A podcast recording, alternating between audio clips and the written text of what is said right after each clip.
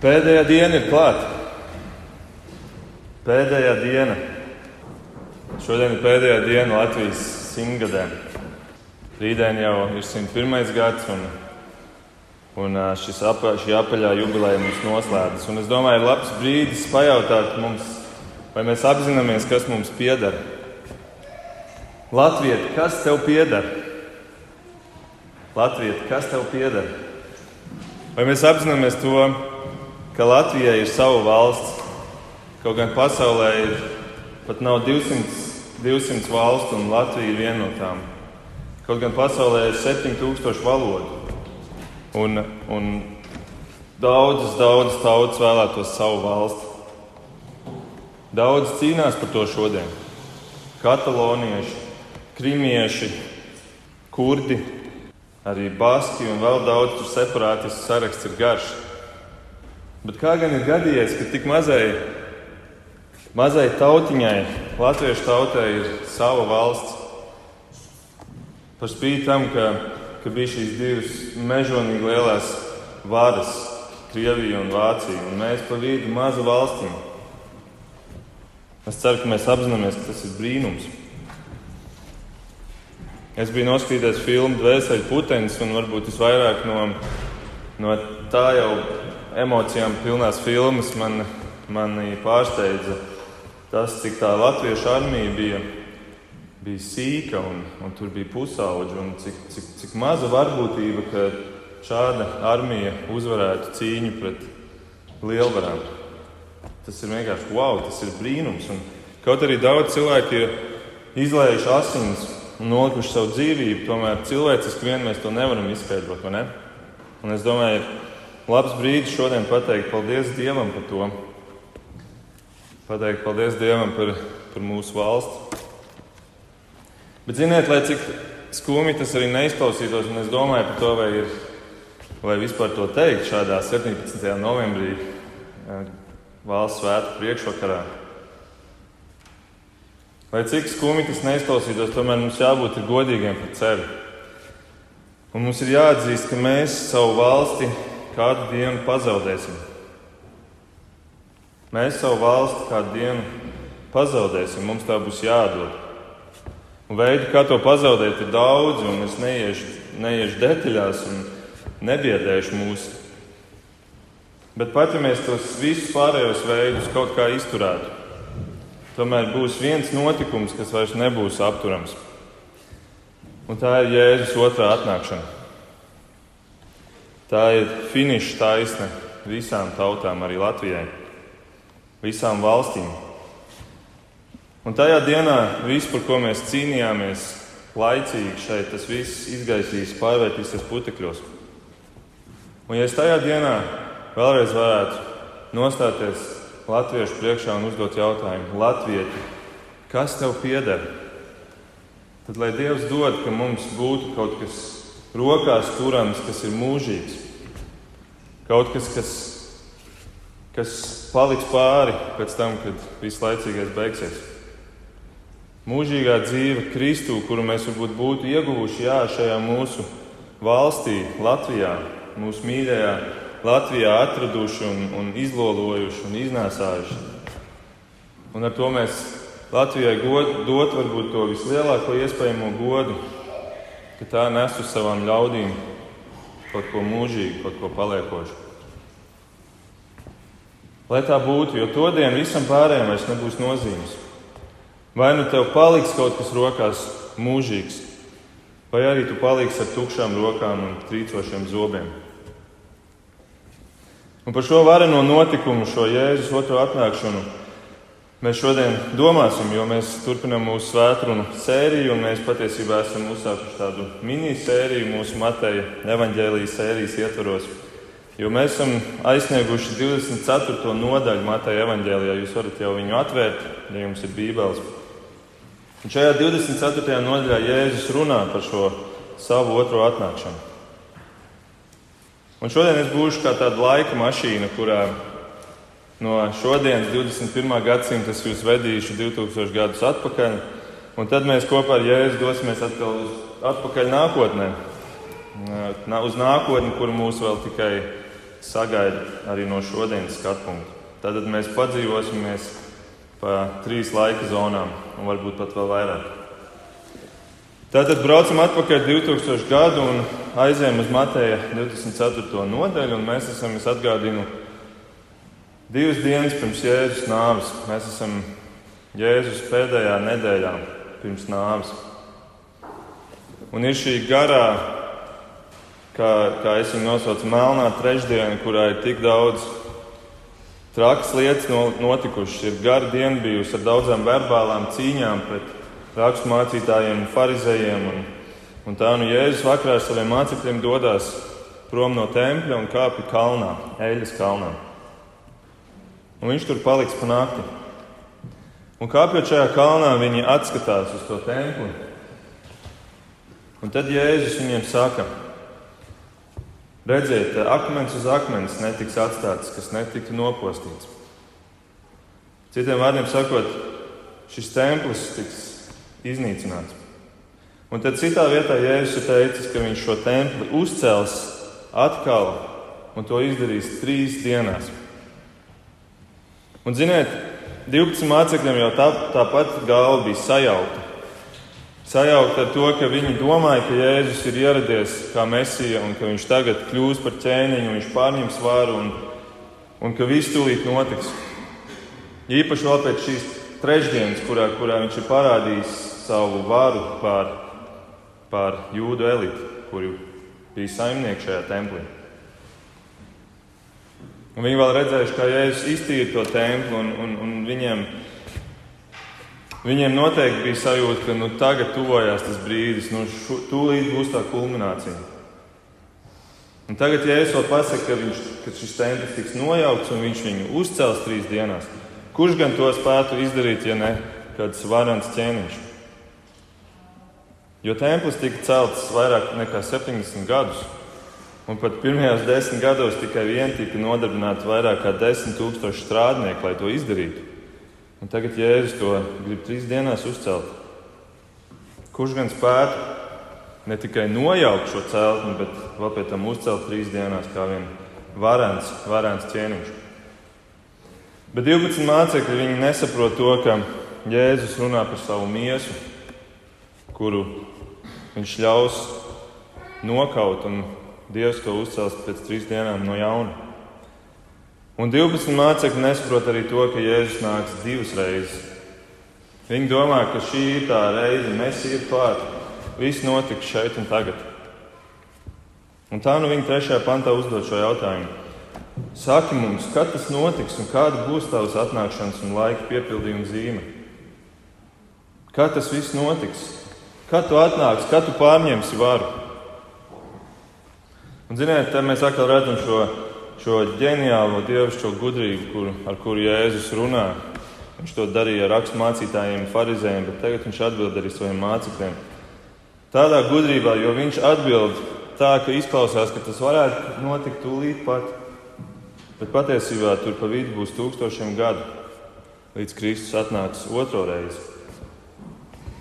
Un mācītais ģirts jau mums pagājušajā reizē ievadīja šajā jēzus atbildē, un mēs no 3. līdz 14. pantam domājām par to, par sešām zīmēm, kas apliecinās, ka tuvojās šie laiki.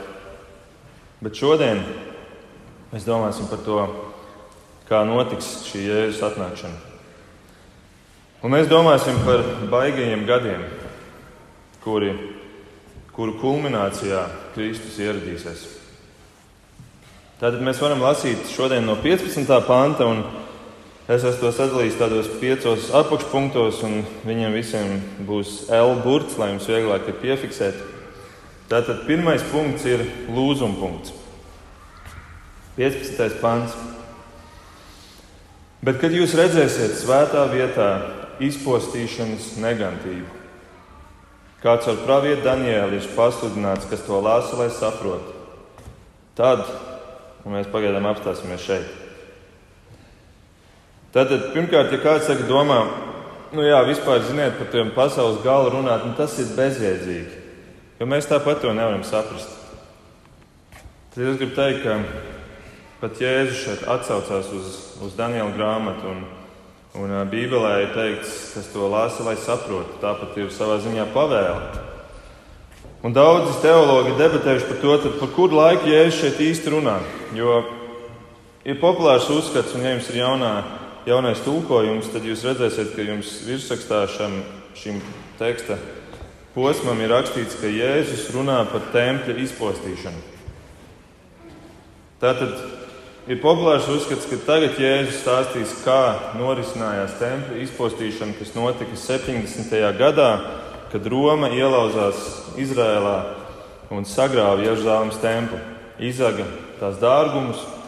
Un es nesen biju Romā, un man stāstīja Gits, kad mēs bijām aizgājuši uz Kolizēju, ka Kolizējs tika uzbūvēts rekordlielā ātrumā. Un galvenais iemesls bija tas, ka tā būvniecība tika finansēta ar Jeruzalemes tempļa dārgumiem. Tātad tiešām Roma ielauzās Izrēlā, izpostīja templi, paņēma dārgumus un uzcēla jaunu pagānu templi kolizēju. Un daudz teologu uzskata, ka šis apraksts ir par šo notikumu. Tomēr ir kāds būtisks problēmas, un es varbūt tagad izklausos, ka es runāju ar jums kā ar teologiem, un tagad mēs ejam detaļās, bet ir svarīgi to saprast, lai, lai mēs vispār varam turpināt šo, šo tekstu ap, aplūkot un uh, domāt par, par to galveno jēgu. Ir divas problēmas. Pirmā problēma pavisam vienkārši 21. pantā ir rakstīts, ka tādas bēdas nav bijušas kopš pasaules iesākuma līdz pat šim laikam, un nekad arī nebūs.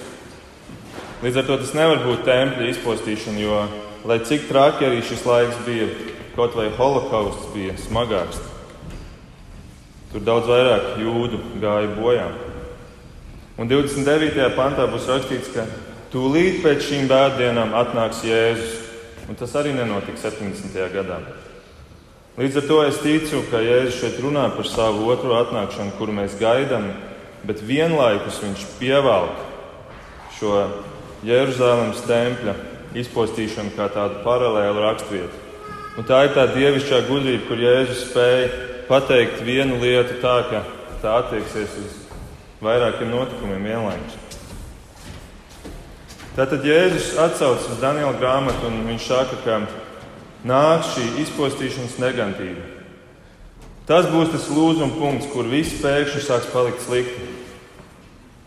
Un Daniels runā par kādu valdnieku, kurš pēdējās dienās iestāsies par Izraēlu un atnesīs to mieru, kuru, ja jūs sekojat līdzi kaut nedaudz Izraēla, Izraēla notikumiem arī šodien, jūs sapratīsiet, ka tā ir iespējams viss karstākā vieta visā pasaulē viskarstākā vieta politiski un militāri. Un, un, uh, es lasīju šonadēļ, ka internetā bija izsludināts brīdinājumi ka, par to, ka latvieši brīdina šobrīd nebraukt uz Izraēlu, jo šobrīd diezgan daudz raķešu lido Izraēlas virzienā un nav pārāk droši tur uzturēties. Tā ir eksplozīva vieta arī burtiskajā ziņā. Un, Un atnāks beidzot, beidzot pēc šiem visiem gadiem, kas ir jau bijuši un kas vēl tikai būs, beidzot ieradīsies kāds vīrs, kurš atnesīs mieru. Tas būs neticami mieru starp Izraēlu un, un musulmaņiem, kas ir apkārt, kuru mērķis ir iznīcināt Izraēlu. Tā nu beidzot iestāsies šis miers, un viņš trīs ap pus gadus valdīs kā miera nesējs, un Izraels viņu cels augstu kā varoni. Viņš spēs samierināt apkārtējās tautas. Un tajā brīdī iespējams Izraels jau būs uzbūvējuši trešo templi, par kuru, ja jūs arī sekojat līdzi Izraēlai, jūs arī būsiet dzirdējuši, ka ir, ka ir šobrīd pat daudzas organizācijas, kuras, kuras plāno, ir jau izstrādāti plāni, kā tas notiks un kāds izskatīsies šis templis. Viņi gaida, kā dabūt nost no tempļa kalna to mošeju, kas tur šobrīd stāv, Laksas mošeju. Viņi cer, ka būs zemestrīce, kura līdz ar to ar dievišķu spēku novāks šo mošeju. Nu, lūk, un, būs šis templis, un, un, un visa darbība tur būs atjaunota. Un, un tie to darīs jūdi, kuri, kuri vēl dzīvo jūdaismā. Bet tad negaidīt būs pavērsiens šis lūzumpunkts, kas izraisīs nežēlīgāko laika posmu pasaules vēsturē. Mēs varam teikt, baigos gadus. Un tad atklāsies, ka viņš patiesībā nav nekāds varonis, viņš ir antikrists. Viņš ir antikrists. Un, ja es saku, šis lūzumpunkts būs šī izpostīšanas negantība templī, mums šie divi vārdi izklausās ļoti dīvaini, un mēs pat nespējam nekur pieķerties savā domās, kas ir tāda, kas ir tāda izpostīšanas negantība. Bībele vārdam negantība parasti lieto apzīmē grēka veidus, un īpaši numur viens grēka veids ir algdievība. Tātad, ja Bībele runā par negantību, parasti runa ir par algdievību. Un, uh, ir, ir tāds uh, Dans Dorjāni, Jēla Universitātes teoloģijas profesors, kurš par šo domu īsi raksta, un viņš nolasīšu. Teologi principā ir vienprāts, ka pirmā atsauce uz šiem pravietojumiem meklējama Seleucīdu ķēniņā Antiohā Epifānā 4. kurš valdīja pār Palestīnu no 175. līdz 64. gadam pirms Kristus. Šis Antiohs izturējās pret Izraēlu ar tik lielu vardarbību un nicinājumu, ka viņi sacēlās pret viņu. Kad viņš ieradās, lai apturētu sacelšanos, viņa karavīri ielauzās templī, apturēja upurēšanu, uzslēja zeva statuju vai arī altāru zevam un upurēja uz tā cūku. Šī ir negantība, jo tā ir algdievība, un tā atnes izpostīšanu, jo tā apgāna visvētāko, visvētāko vietu Izraēlas sirdī. Šis gājiens bija izpostīšanas negantība jeb negantība, kas izraisīja izpostīšanu. Citādi beigas. Tātad šajā jaunas celtajā templī notiks kaut kas līdzīgs, kas apgānīs to. Šeit Antijos to darīja upurējot cūku, kas bija nešķīstākais dzīvnieks Izrēlam, jūdiem. Bet tas ir kā simbols tam, kas notiks pēdējās dienās. Tur notiks vēl daudz lielāka apgānīšana beigu laikos. Un eh, tas viss jūdiem būs kā tāds, kā tāds dārdzis acī. Patiesībā Jēzus varētu jau runāt par daudz plašākām, plašākiem notikumiem. Es domāju, Jēzus gan turēja prātā šo Antioha apgānīšanu. Jēzus tur prātā 70. gadu, kad Roma atnāks un iznīcinās templi. Jēzus turprātā iespējams 7. gadsimtu, kad šī Alāksas mošeja tiks uzcelta Jeruzalemes kalnā, kas šobrīd jūdiem ir kā, kā dārdzes acī, ka viņu visvētākajā vietā, viņa tempļa vietā stāv musulmaņu mošeja. Un te es gribu teikt, labi mums, kristiešiem, jo mēs zinām, ka patiesais templis ir kas? Patiesais templis ir pats Kristus, pats Jēzus. Tāpēc viņš teica, ka šis templis, draugi mīļie, tiks, tiks novākts un, un viņš vairs patiesībā nebūs vajadzīgs. Mums nav par šo jāuztraucās, mums ir Kristus templis. Bet todien Jeruzālēmē stāvēs templis un antikrists tajā paveiks šo izpostīšanas negantību. Un Jēzus citē Danielu, piemēram, Daniela 9. Viņš saka, ar daudziem viņš noslēgs stipru derību uz septiņiem gadiem un uz pusi no septiņiem, tātad pēc trīs ap pusgadiem, pārtrauks kaujamo un labības dāvanu upuri, un tempļa vienā daļā būs postītājs, un preteklības notiks līdz beigām. Tātad kaut kas pēc šiem trīs ap pusgadiem notiks tāds, ka, ka sāksies pavisam citi laiki nekā bija šie pirmie trīs ap pusgadi. Un kas ir tieši šī negantība, par to runā Pāvils. Viņš to raksta Thessaloniķiešiem. Viņš raksta, lai neviens jūs nekādi nemaldina, jo tā diena nenāks pirms nebūs iestājusies atkrišana un neatklāsies ļaunums, ļaunuma cilvēks, pazudināšanas dēls, naidnieks, kas sevi paaugstina pāri visam, ko sauc par dievu vai svētumu. Līdz beidzot viņš nebūs apsēdies dieva templī, pasludinādams sevi par Dievu. Tātad Antikrists apgānīs šo vietu tādā veidā, ka viņš pasludinās, ka viņš pats ir Dievs. Ka viņš pats ir Dievs. Un man šajā vietā bija jādomā par to, cik daudz cilvēku dara to pašu, pasludinot sev par Dievu. Tev pat nav jākāpj kādā templī, jāsēžās kaut kādā tronī. Cilvēks, kurš ir pagriezis muguru dievam, pats to dara. Viņš pats ir kā tāda izpostīšanas negantība dieva acīs. Bet todien būs šis lūzuma punkts un sāksies šie otrie trīs ar pus baigie gadi. Un Pāvils turpat dažus pāns tālāk šiem tesaloniķiešiem paskaidro, kādēļ būs tik baigi. Viņš raksta, šis noslēpumainais ļaunums, šis antikrista ļaunums jau darbojas. Tikai vispirms tam, kas to aiztur, ir jāpazūd no ceļa. Tas nozīmē, ka šie briesmīgākie gadi pasaules vēsturē būs tāpēc tik briesmīgi, jo svētais gars, kas šobrīd aiztur šo ļaunumu, paies malā. Līdz šim sātanu, kaut arī viņš darbojās šajā pasaulē, un kaut arī viņš ir jau valdnieks par šo pasauli, joprojām svētais gars aiztur. Un eh, es domāju, mēs redzam to arī mūsu Latvijā, ka mums ir, mums ir svētais gars to dara daudz spēcīgākā veidā nekā varbūt citās valstīs, musulmaņu valstīs un citur. Tāpēc, ka mēs šeit sludinam Kristu un mēs šeit Dievu vārdu turam augstu un mēs svētajam garam dodam vietu, lai viņš to dara.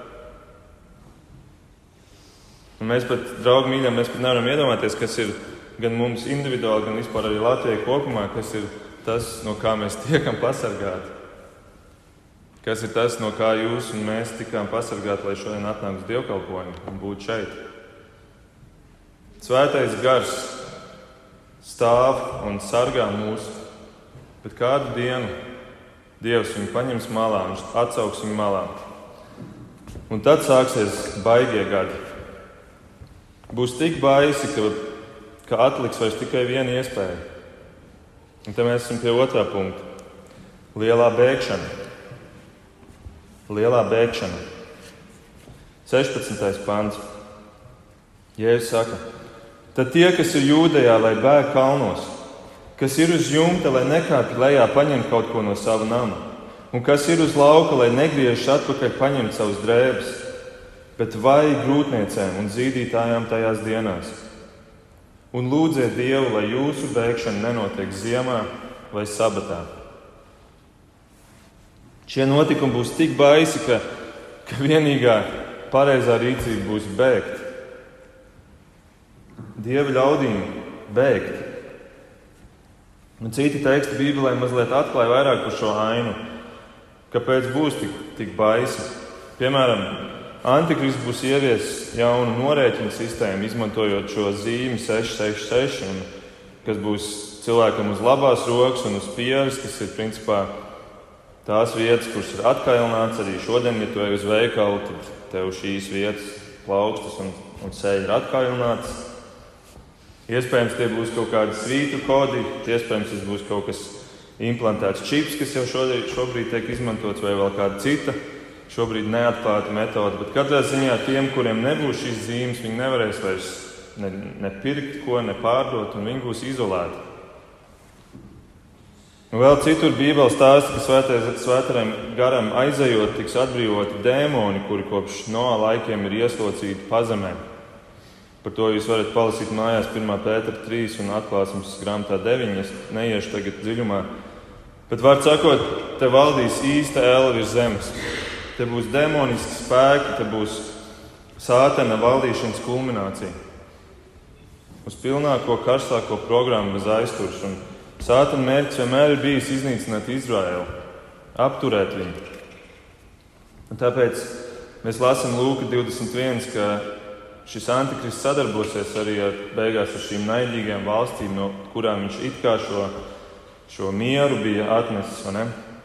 Lūk, 21 ir teikts, ka, kad jūs ieraudzīsiet Jeruzalemi karaspēka ielentu, tad ziniet, ka tās izpostīšana ir pienākusi.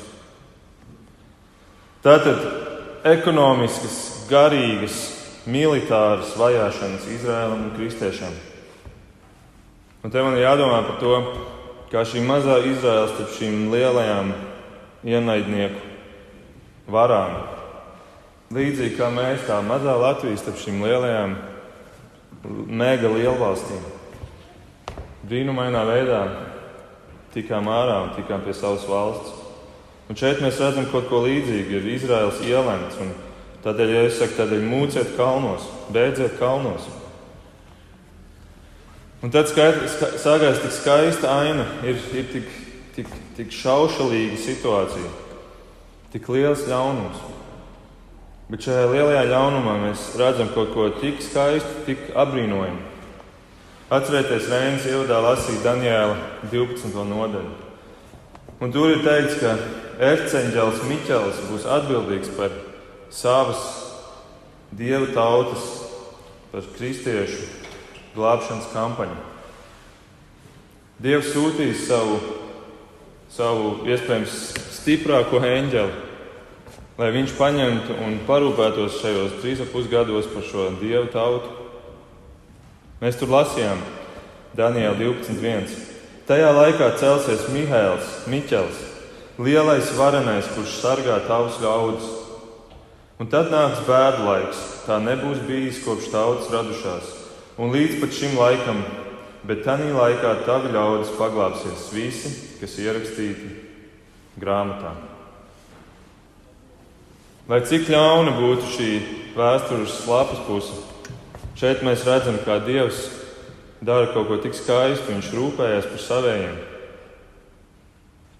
Un es ticu tiem teologiem, kuri, kuri saka, ka Šajā brīdī patiesībā draudzene nemaz vairs nebūs virs zemes.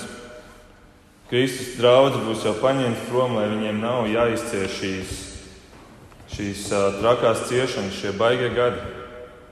Tāpēc, ka Bībelē mēs lasām par divu veidu jēzus atnākšanu. Viena būs tāda, kas notiks vienā brīdī, un neviens neko nemanīs, viens tiks paņemts prom, otrs paliks Bet šeit mēs lasām par jēzus atnākšanu, kas ir aprakstīta detaļās, un pat ir pateikts dienas, un nedēļas un gadi, gandrīz vai kad viņš ieradīsies. Tā kā šajā brīdī draudz vairs nebūs virs zemes, es to ticu, un, viņi būs paņemti prom, bet Dievs rūpējās par tiem, kuri būs atgriezušies. Daudz atgriezīsies arī šajā bēdu laikā, kāds arī ir vēsturē līdz šai dienai bijis, jo lielākas bēdas, jo jo spēcīgāks ir evaņģēlīja spēks. Un tā nu Dievs šos savus ļaudis vedīs kalnos. Viņš vedīs viņus kalnos, kur ir pilns ar alām. Es pats esmu bijis Izrēlā, un, un mēs zinām, ka Bībeles manuskripti Kumrānā ir pat spējuši 2000 gadus palikt neatklāti. Tur būs ļoti daudz iespējas, kur viņi varēs slēpties. Un, Kā viņi tur izdzīvos, ko viņi ēdīs, es nezinu, bet Dievs ir pierādījis vēsturē, ka Viņš ir spējis barot savu tautu daudzus gadus ar, ar, ar mannu, tūkstnesī. Viņš ir Eliju ar kraukļu starpniecību barojis. Dievam ir resursi, ticiet, ticiet man un ticiet Bībelē, Dievam ir resursi.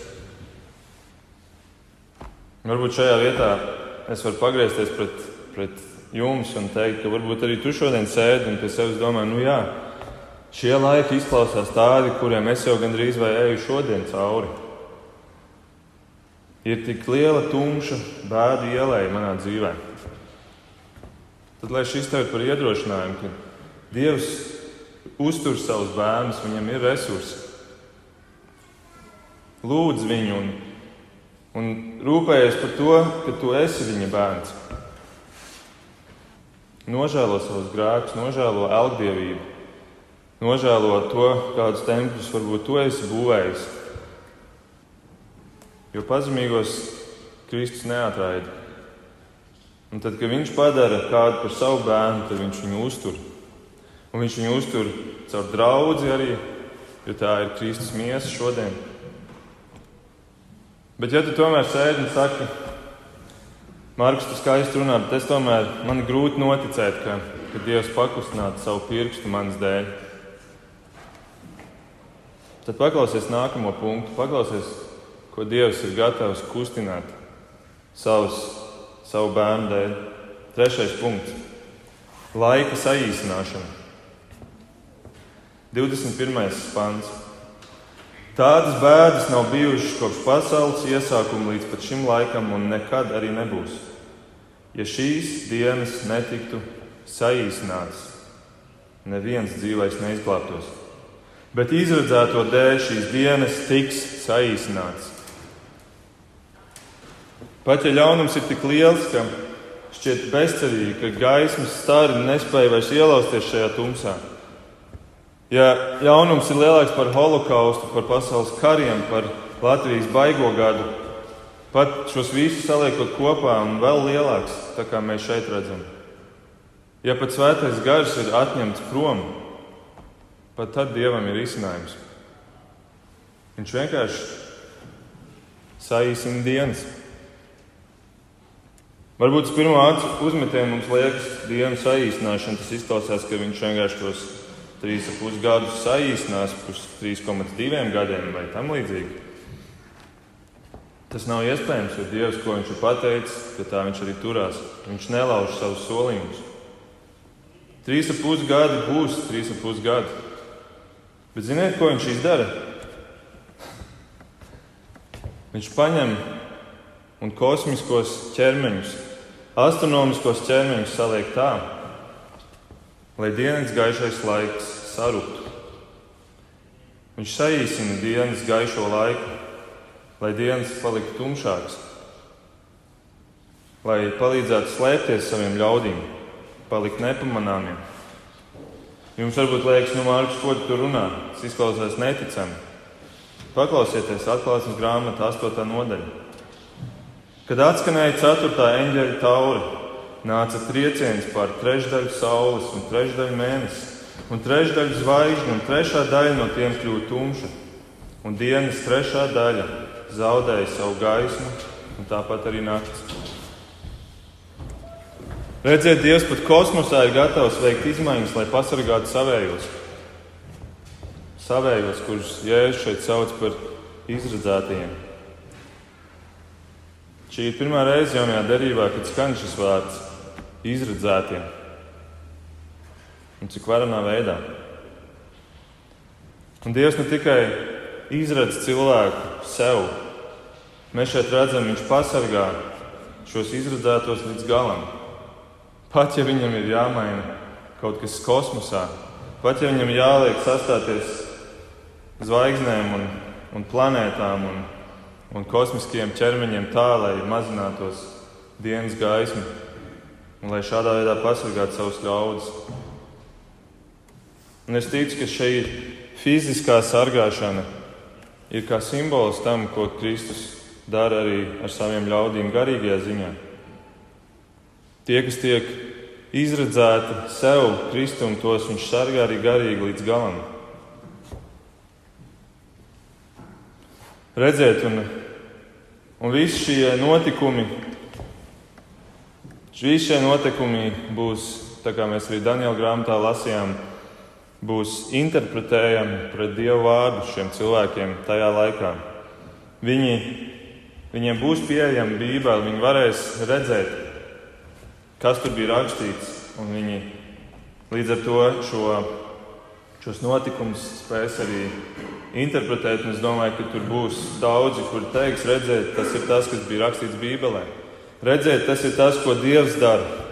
Un tāpēc šis, šī Dieva, šīs izmaiņas, ko Dievs veids un, un uh, saīsinās dienas gaišais laiks, tas atstās iespaidu uz klimatu. Tur, tur sāksies iespējams uh, bats un sausums un plūdi un zemestrīces un viss tas, ko kas notiek tad, kad mainās, um, piemēram, mums te ir bijušas pasaulē dabas stihijas, kur vulkāns um, iz, izdala tik liels dūmus, ka saules gaisma netiek klāta zemē, un tas at, atstāja katastrofālas sekas. Un, un kaut kas līdzīgs varētu notikt arī tajā laikā. Un līdz ar to pat naids pret šiem kristiešiem tikai pieaugs. Jo viņi redzēs, ko Dievs dara šo cilvēku dēļ. Un, Un tā kā valdnieks būs sātans un valdnieks ir melu tēvs, tad arī tiks meklēt veidi, kā šos kristiešus apmānīt, kā šos kristiešus izvilināt, kā viņus dabūt ārā no tiem slēpņiem, kuros Dievs viņus ir pasargājis. Un te mēs esam pie 4. punkta - lamatu izlikšana. 23. pantā ir rakstīts, ja kāds jums sacīs, redzi, te ir Kristus, redzi, tur, neticiet. Jo celsies viltus kristi un viltus pravieši un rādīs lielas zīmes un brīnumus, lai pieviltu, ja tas iespējams, arī izredzētos. Redzi, es jums to esmu pateicis jau iepriekš. Ja tie jums sacīs, redzi, viņš ir tūkstnesī, tad neiet ārā. Redzi, viņš ir kambaros, tad neticiet. Ticīgie būs paslēpušies Un tā nu vēlams ar saviem, ar saviem spēkiem centīsies izvilināt viņus ārā visādos veidos.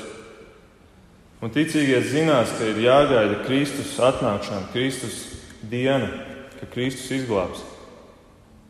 Tādēļ viņus iespējams vilinās ar varbūt kaut kādiem rakstiskiem solījumiem vai kādiem spiegiem, un nāks un teiks, hei, Kristus ir atnācis, Viņš tur tūkstnesī ir. Nāciet ārā no alām, viņš ir klāt. Nāciet! Iesim pie viņa. Nav vairs jāslēpjas. Ejam! Vai arī kāds nāks un teiks, hei, viņš jau ir atnācis tur citā kambarī, tur, kur slēpjas citi kristieši. Nāciet, ejam! Ko Jēzus saka? Tik skaisti, ko viņš saka, viņš saka 24. pantā. Celsies viltus Kristus un viltus pravieši un rādīs lielas zīmes un brīnums, lai pieviltu, ja tas iespējams, arī izredzētos. Kāpēc Jēzus tā saka? Tāpēc, ka izredzētos nevarēs pievilkt. Izredzētos nevarēs pievilkt, aleluja! Lūk, tā Kristus sargā savējos. Ja viņš varētu pievilkt, ja es būtu teicis vieglāk un īsāk, viņš būtu teicis, lai pievilktu arī izredzētos. Bet es iet šo papildus jūdzi un ieliek šo iestarpinājumu, lai pievilktu, ja tas iespējams, arī izredzētos. Sātnam arī būs pieejams Dieva vārds, bet acīm redzot, Sātnis netic Jēzum. Sātnis domā, ka var pievilkt. Sādams domā, ka patiesi jaunpiedzimuši kristieti viņš spēs izraut no Kristus rokām un atņemt viņam glābšanu. Sātam, tu muļķi! Kristus abus nevar apmānīt. Labais gans Jānis desmit ir teicis, manas avis klausās manā balsī. Es tās pazīstu, un viņas man seko. Es tām dodu mūžīgo dzīvību, un viņas nemūžam neies bojā. Un neviens, neviens tās neizraus no manas rokas. Redzēt, izredzētie dzird Jēzus balsi un pazīst Jēzus balsi. Un šodien Bībele ir Jēzus balss. Galvenokārt Jēzus vārds. Ja mēs šodien būtu jau šajā laikā un mēs sēdētu šādā alā, kā mēs dzirdētu Jēzu?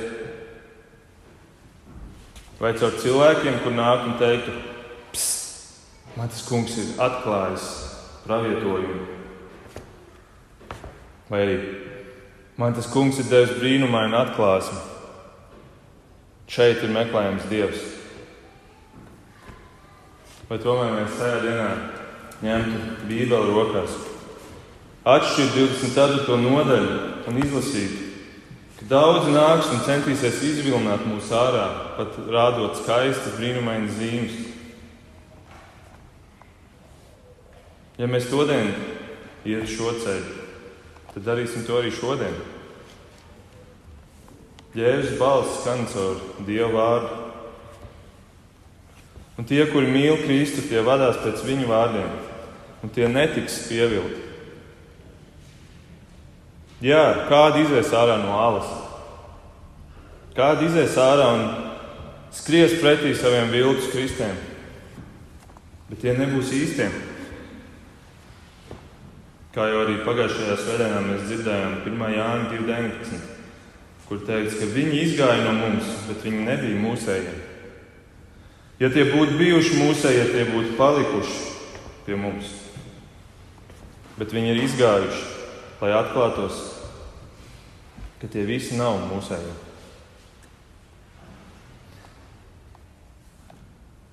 Bet klau, kā tad mēs atpazīsim īsto Kristu, sēžot alā? Kā mēs zināsim, kad mēs varam iet ārā? Kā mēs zināsim, ka tas īstais Kristus ir ieradies? Au, draugs, to tu nepalaidīsi garām. Piektais punkts. Laimīgās beigas 27. pantā. Jo kā zibens nozipsnīja austrumos un atplaiksnīja līdz pat rietumiem, tāda būs arī cilvēka dēla atnākšana. Neuztraucies! To tu nepalaidīsi garām, to redzēs visi. Atklāsmes grāmatas pirmajā nodaļā ir rakstīts, redzi, viņš nāks ar mākoņiem, un viņu redzēs ik viena acis arī tie, kas viņu caurdūra. Par viņu vaimanās visas zemes ciltis Tā būs Āmen. Visi viņu redzēs.